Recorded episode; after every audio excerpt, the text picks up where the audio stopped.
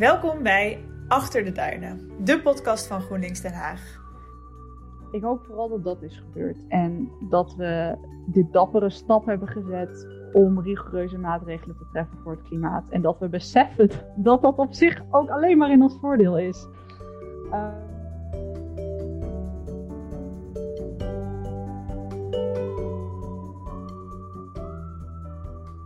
Mijn naam is Lisa. En ik ben Jarre en in deze podcast nemen we je mee door Den Haag. We gaan in gesprek met mensen die de stad socialer, duurzamer en groener maken. En vandaag spreken we met Roosmarijn van het Einde, de initiatiefnemer van de Klimaatwaken. Protestactie waarbij uh, verschillende mensen, verschillende instellingen gedurende de hele formatieperiode waken voor het klimaat voor het Katshuis in Den Haag.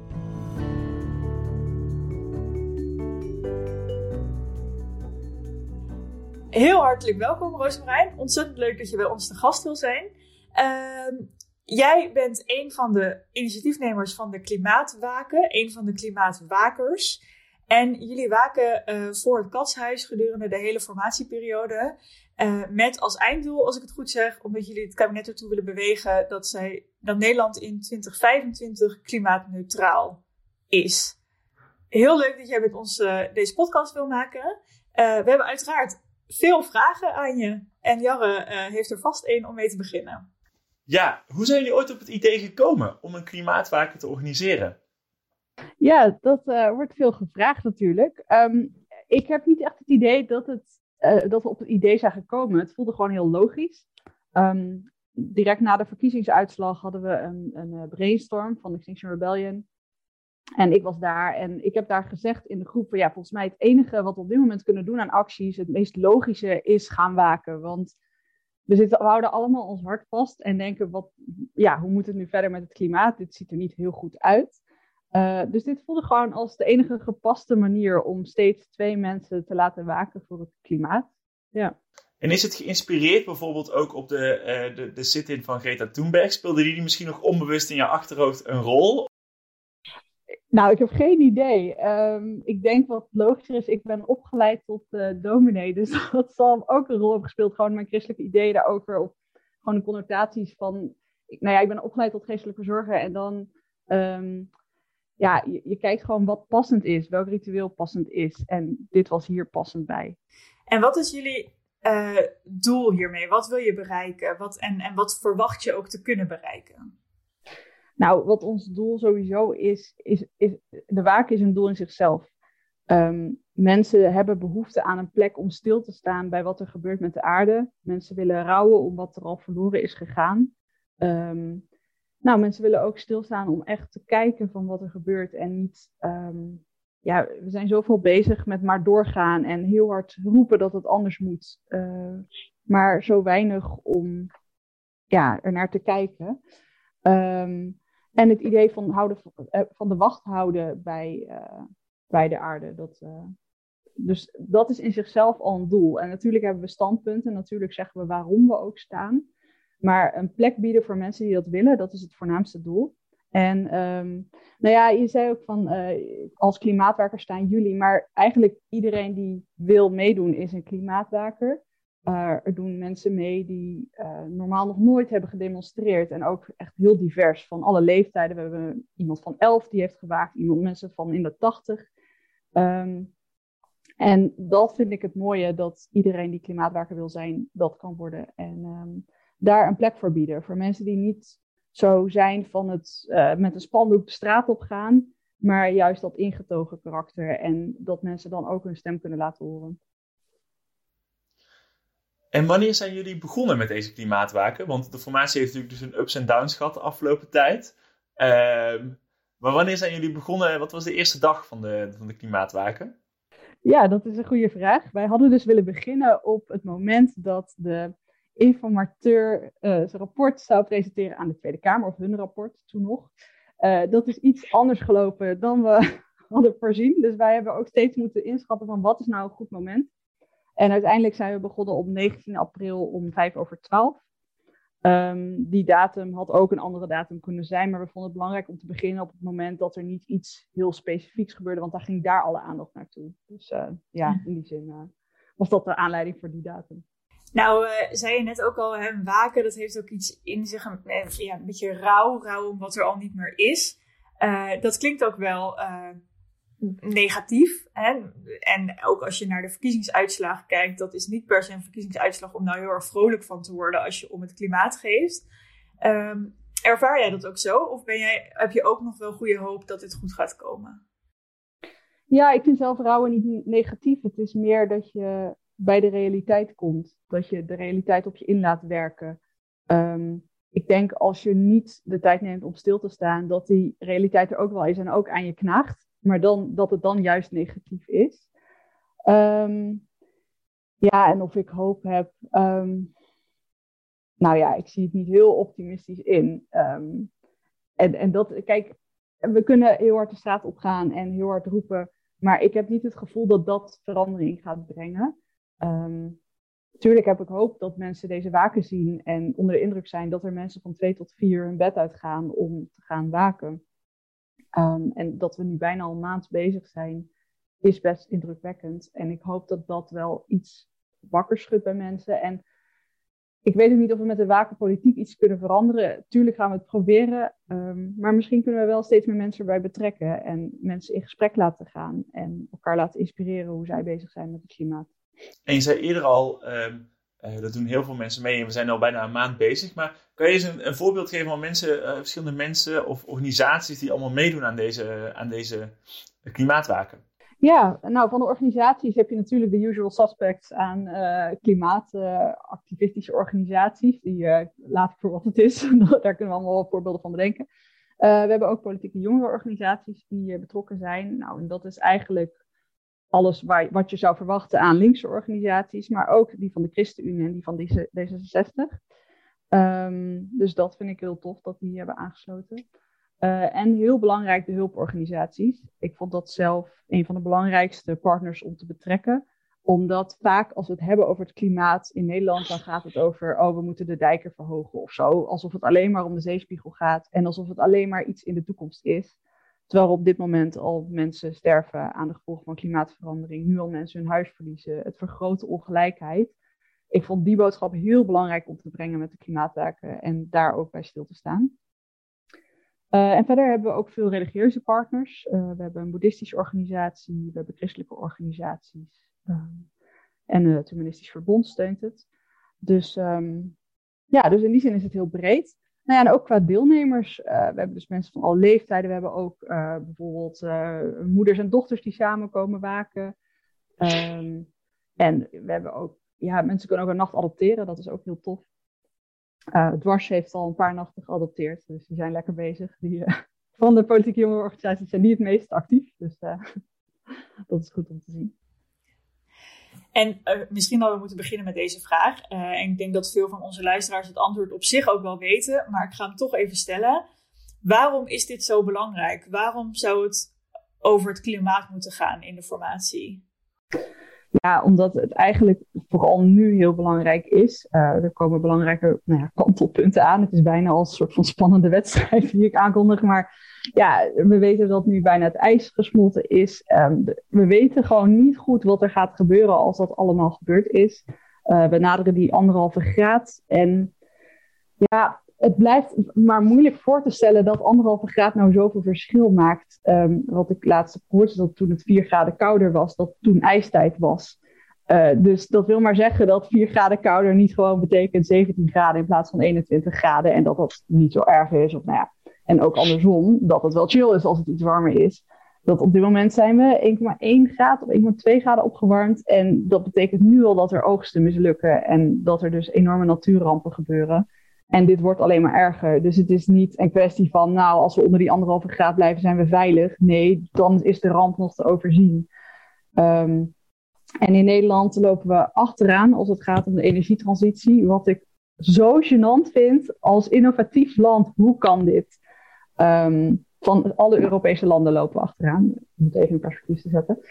Uh, en we dragen als Nederland het meeste bij per hoofd van de bevolking aan de ontbossing van de Amazone. Dat, dat feit dat slaat me ook steeds in het gezicht.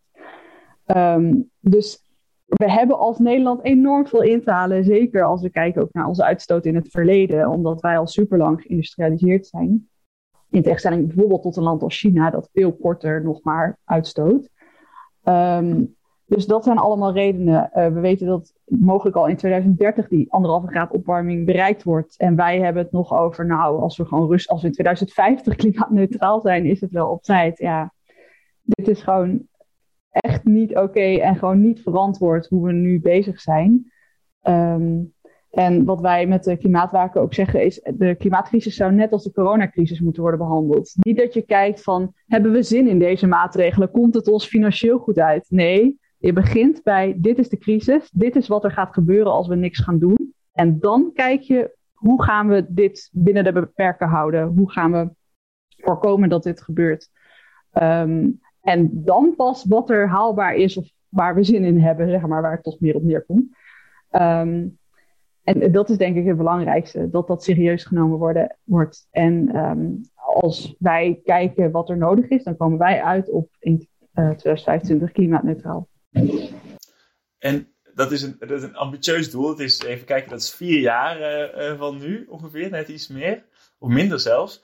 Um, wat zijn nou de concrete maatregelen die je zegt van, nou, de klimaatwaken, daarvoor um, uh, waak ik tussen twee en vier, midden in de nacht. Eh, omdat als we deze maatregelen implementeren, dan halen we dat doel. Nou, ik, daar doe ik dus juist niet uitspraken over. Dat vind ik ook belangrijk, omdat we dus die diverse groepen hebben die het ondersteunen. Tuurlijk heb ik hier als Rosemarijn best wel een mening over. Um, maar ik denk dat er meerdere wegen naar Rome zijn. En um, dat ik daar voorkeuren in heb, dat doet er eigenlijk niet toe. Uh, kijk, wat sowieso logisch is, is dat we stoppen met investeren in fossiele brandstoffen. Daar is denk ik iedereen het over eens dat dat best wel bizar is dat we dat nog steeds doen. Um, maar kijk, net als bij de coronacrisis, uh, we, we, hebben verschillende maatregelen genomen. We hebben ook verschillende niet gedaan die in andere landen zijn genomen. Kijk, ik vind niet dat het mijn taak is om af te wegen welke maatregelen er moeten worden genomen. Het enige wat mijn taak is om te zeggen, hier moeten we naartoe mijn toekomst moet worden veiliggesteld. De toekomst van mensen in Nederland, de toekomst van mensen in andere landen, of het leven van mensen in andere landen. Um, ja, en hoe we daar komen, ja, dat vind ik aan de politiek om daar een goede afweging in te maken. Ja, dat is misschien een mooi bruggetje naar de volgende vraag. Ik ben wel benieuwd wat jij vindt dat de rol van GroenLinks hierin mag zijn, zou moeten zijn. En je mag, wat mij betreft, ook best wel een beetje kritisch zijn. Nou, ik vond het wel leuk om te horen dat je net zei dat, uh, dat Dwars in elk geval uh, goed met jullie meedoet. Maar uh, nou ja, wat, wat zou jij verwachten van GroenLinks hierin? Of hoe zouden zij zich moeten opstellen? Goeie vraag. Um, nou, ik sowieso doe mee met de waken. Uh, kom ons ondersteunen. Uh, zeker mensen in Den Haag, die kunnen we ook goed gebruiken. We zijn nog heel erg op zoek ook naar sfeerbeheerders. Mensen die de eerste shift willen nemen. Want dat is toch lastig als je in Utrecht of verder weg woont. Om dan van 8 tot 11 al er te zijn. Dus dat allereerst natuurlijk. Um, ja, wees kritisch op je eigen partij. Ik denk dat dat voor iedereen belangrijk is. Ik denk, we zien dat, nou ja, machtsposities maakt je gewoon minder scherp op wat er moet gebeuren. Er zijn altijd verleidingen en dat is ook logisch. Uh, verleidingen om te genuanceerd te worden of te veel te laten gaan. En ik denk dat het goed is om als lid van GroenLinks daar scherp op te blijven en daar kritiek op te geven als dat gebeurt. Um, en ook nu die druk uit te oefenen op de partij. Ik bedoel, GroenLinks heeft nu een positie waarin ze misschien kunnen gaan meeregeren. Uh, en dus ook misschien meebeslissen. En daar moeten afwegingen in gemaakt worden. En dat daar nou ja, zuivere afwegingen in worden gemaakt, waar niet te veel wordt opgeofferd voor het klimaat. En ook, we gaan natuurlijk uh, ook nog richting, het duurt nog heel lang, de gemeenteraadsverkiezingen. En wat zijn bijvoorbeeld op een lokaal niveau? Want landelijk, uh, inderdaad, zijn we misschien in de positie om te, om te regeren. Maar lokaal um, zitten we nu in het college, maar komen we volgend jaar natuurlijk een hele belangrijke verkiezingen aan. Wat zou, je, wat zou je meegeven? Ja, lokaal hetzelfde eigenlijk. Wees ook kritisch. Uh, schrijf je partij aan. draag ideeën aan. Um, wat ik zelf ook mooi vind, is dat Amsterdam hebben besloten geen fossiele, geen reclame meer te maken voor fossiele brandstoffen. Dat, ik denk dat dat ook iets is wat in elke gemeente zou kunnen. en participeer, stel je verkiesbaar als je goede ideeën hebt, dat soort dingen. Um, ik, ik denk dat dat voor iedereen anders is wat bij je past. Uh, maar probeer op, op, een manier je steentje bij te dragen om ook politiek iets te veranderen. Ik denk dat het zo vaak gaat over, als het gaat over duurzaamheid of uh, klimaatprobleem, dat, dat we dat allemaal alleen doen. Dat we meer vegetarisch eten of wat dan ook. En dat is belangrijk en dat doen we ook allemaal al. Uh, of, afval scheiden of wat dan ook. Maar als we niet politiek veel meer druk zetten, dan gebeurt er niks. En je ziet ook uit onderzoeken dat er best wel veel draagvlak is onder mensen die stemmen voor vergaande klimaatmaatregelen. Maar ze gebeuren om een of andere reden niet. Dus die kloof blijven overbruggen naar van, hey politiek, hallo, wij willen dit. Wij, vinden het prima als jullie deze maatregelen nemen. Doe dit, bescherm onze toekomst. Ja. Ik ben dan toch wel benieuwd, want uh, nou, jij hebt die, die stap naar zeg maar, actie heel duidelijk gezet. En uh, inderdaad gewoon met een idee uh, gekomen en, en nou, dat gelijk uitgevoerd. Is dat iets wat je echt van, van jongs af aan hebt meegekregen? Of wat heel erg in je karakter zit, zeg maar? Of, of hoe, ja, hoe is dat gegaan bij jou? Um, nou, ik heb me altijd wel uitgesproken als ik vond dat iets onrechtvaardig was. Of ja, als ik het ergens niet mee eens was. Uh, ik ben alleen best wel lang ziek geweest, dus toen kon ik niet echt heel actief zijn. En uh, sinds ik ook genoeg medicatie heb, merk ik ook dat ik gelijk dat activisme ben gaan opzoeken. Er is ook niemand echt verbaasd dat ik dit ga doen. Iedereen denkt, ja, logisch, tuurlijk. Um, nee, ik, ik heb me altijd wel geprobeerd op eigen, nou ja, op individueel niveau natuurlijk in te zetten voor het klimaat. En me daarvoor uit te spreken. En uh, nou ja, goed research te doen als ik ging stemmen en dat soort dingen. En te proberen andere mensen te inspireren. Um, maar ik ben pas sinds kort echt klimaatactivist. En uh, nou ja, dat voelt wel heel passend en heel goed. Omdat je iets doet met de urgentie die er is. Omdat je daar vorm aan geeft. Dat je het niet... Ik denk dat, dat het zo verleidelijk is om het een beetje onder het vloerkleed te schuiven. En denken, nou ja, ik heb hier zorgen over, maar ja, ik weet het ook niet. En het voelt veel beter om daar wel mee in actie te komen. Ja. En je zegt inderdaad, veel mensen zijn er heel erg bewust over. Maar wat zou jij zeggen, hoe maak je die eerste stap van uh, uh, uh, zittend op de bank, om het zo maar te zeggen, en eh, heel ongerust, tot ehm, misschien een eerste actie eh, om je in te zetten op, tegen klimaatverandering? Of was jouw eerste stap? Jouw, de, de soort van ja, ik weet het eigenlijk niet meer precies. Ja, dat, dat, zou dan die overgang naar het activisme zijn. Ik denk dat ik iets gehoord had van Extinction Rebellion en dat ik dat meer ben gaan onderzoeken. En ik dacht, ja, dit voelt goed, dit klopt voor mij. Hier, kan ik achter staan. Um, maar ik denk, ik denk niet dat voor iedereen dat passend is. Dat niet iedereen zich daar prettig bij voelt. Um, ik denk dat de eerste tip is, zoek, uh, of de eerste stap, zoek anderen om je zorgen mee te delen en om te kijken wat bij je past. Uh, want ik denk, eh, het is echt heel heftig om met klimaat bezig te zijn. Het is, ja, het is wel de realiteit en daarmee is het ook goed om ermee bezig te zijn, want anders dan kijk je daarvan weg. Maar je hebt daar wel anderen voor nodig. En, uh, en dus is het ook fijn om bij een organisatie te gaan waar je gelijkgestemden vindt. Ik denk dat er binnen GroenLinks ook veel gelijkgestemden zijn, dus dat kan wel helpen. Uh, en, en samen na te denken van wat zijn vormen, of ga bij een groep die al vormen heeft en sluit daarbij aan. Um, ja, ik denk, kijk wat bij je past, zoek anderen op en uh, maak die stap. En als, uh, als mensen nou die stap willen zetten door, door een, te gaan waken, je gaf net al aan, hè, geef je op. heel praktisch, waar kunnen mensen zich melden? Hoe, hoe gaat het in zijn werk? Ja, je kunt je melden bij deklimaatwakers.nl. Daar staan allemaal tijdslots en dan kun je inschrijven voor één. Als je overdag bij het katshuis wil waken, dan is dat een tijdslot van drie uur en s'nachts is het twee uur lang. Uh, s'nachts waak je vanuit huis, dus dat scheelt. Dan heb je, heb je alleen maar een laptop nodig of een mobiel met camera en een kaars. En dat is dan voldoende. en als je inschrijft, dan krijg je een mail waar nog wat meer in staat over hoe je dan dat waken invult. Um, want ja, het moet natuurlijk wel een soort van ingetogen zijn. Uh, en daar kun je dan, dat kun je op verschillende manieren vormgeven. Dus s'nachts is het vaak zo dat mensen een gesprek voeren met degene met wie ze samenwaken. Dat is trouwens heel mooi. Je kunt het ook meekijken via de livestream op YouTube of op de site. Um, maar zeker als dat twee vreemden zijn die zich los van elkaar hebben opgegeven en dan met elkaar in gesprek gaan over hoe zij omgaan met uh, klima klimaatprobleem. Um, dus uh, ja, dat kun je doen. En dan uh, ben je deel van de waken. En dat is heel tof. Ik vind het zelf, heel, het voelt bijna als een soort eer als je dan in je eentje of met z'n tweeën zo'n shift doet. Want dan heb jij die waken weer een stukje verder geholpen. Dan ben jij schakel geweest. Ja. ja, mooi. We zullen ook even de link naar de website en de link naar de livestream in de show note bij deze podcast zetten. Dat iedereen die makkelijk kan, kan vinden. En we sluiten altijd af met een, met een laatste vraag. Ehm, en dat is altijd, waar denk je over vijf jaar uh, te zijn en waar denk je met de klimaatwaken bijvoorbeeld over vijf jaar te zijn. Nu heb je natuurlijk het doel al 2025, je mag dromen, maar wat zou je nou hopen dat er over vijf jaar, dus 2025, uh, eh, is gerealiseerd? Um, nou, ik ga dat niet alleen met klimaatwaken bereiken, maar uh, wat ik hoop dat is gerealiseerd is dat mensen zijn gaan opstaan voor het klimaat in heel Nederland. En dat hoeft voor mij niet door de klimaatwaker, maar op wat voor manier dan ook. Dat mensen zich uitspreken, dat mensen de overheid laten weten dat er meer moet gebeuren. Uh, en dat we dat niet alleen doen vanuit egoïstische motieven, dat wij geen zin hebben om onder water te staan, maar vanuit betrokkenheid met onze medemensen die er nu al onder lijden.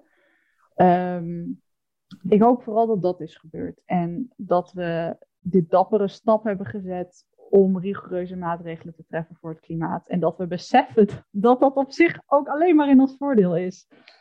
Um, ja, dat zijn al best wel grote dromen misschien, maar dat zou wel heel mooi zijn. Inderdaad, heel mooi. En ik denk dat wij heel hard met je mee hopen dat dit werkelijkheid wordt. Nou, Roosmarijn, ontzettend bedankt dat je hier met ons over wilde praten, dat je bij ons te gast wilde zijn. Uh, luisteraars, ontzettend bedankt weer voor het luisteren en hopelijk tot de volgende keer. Wil je nu samen met andere GroenLinks-vrijwilligers uh, ook meedoen aan de klimaatwaken? GroenLinks Den Haag heeft de nacht geadopteerd van 9 tot 10 juni. De link om je aan te melden staat in de show notes en op onze website.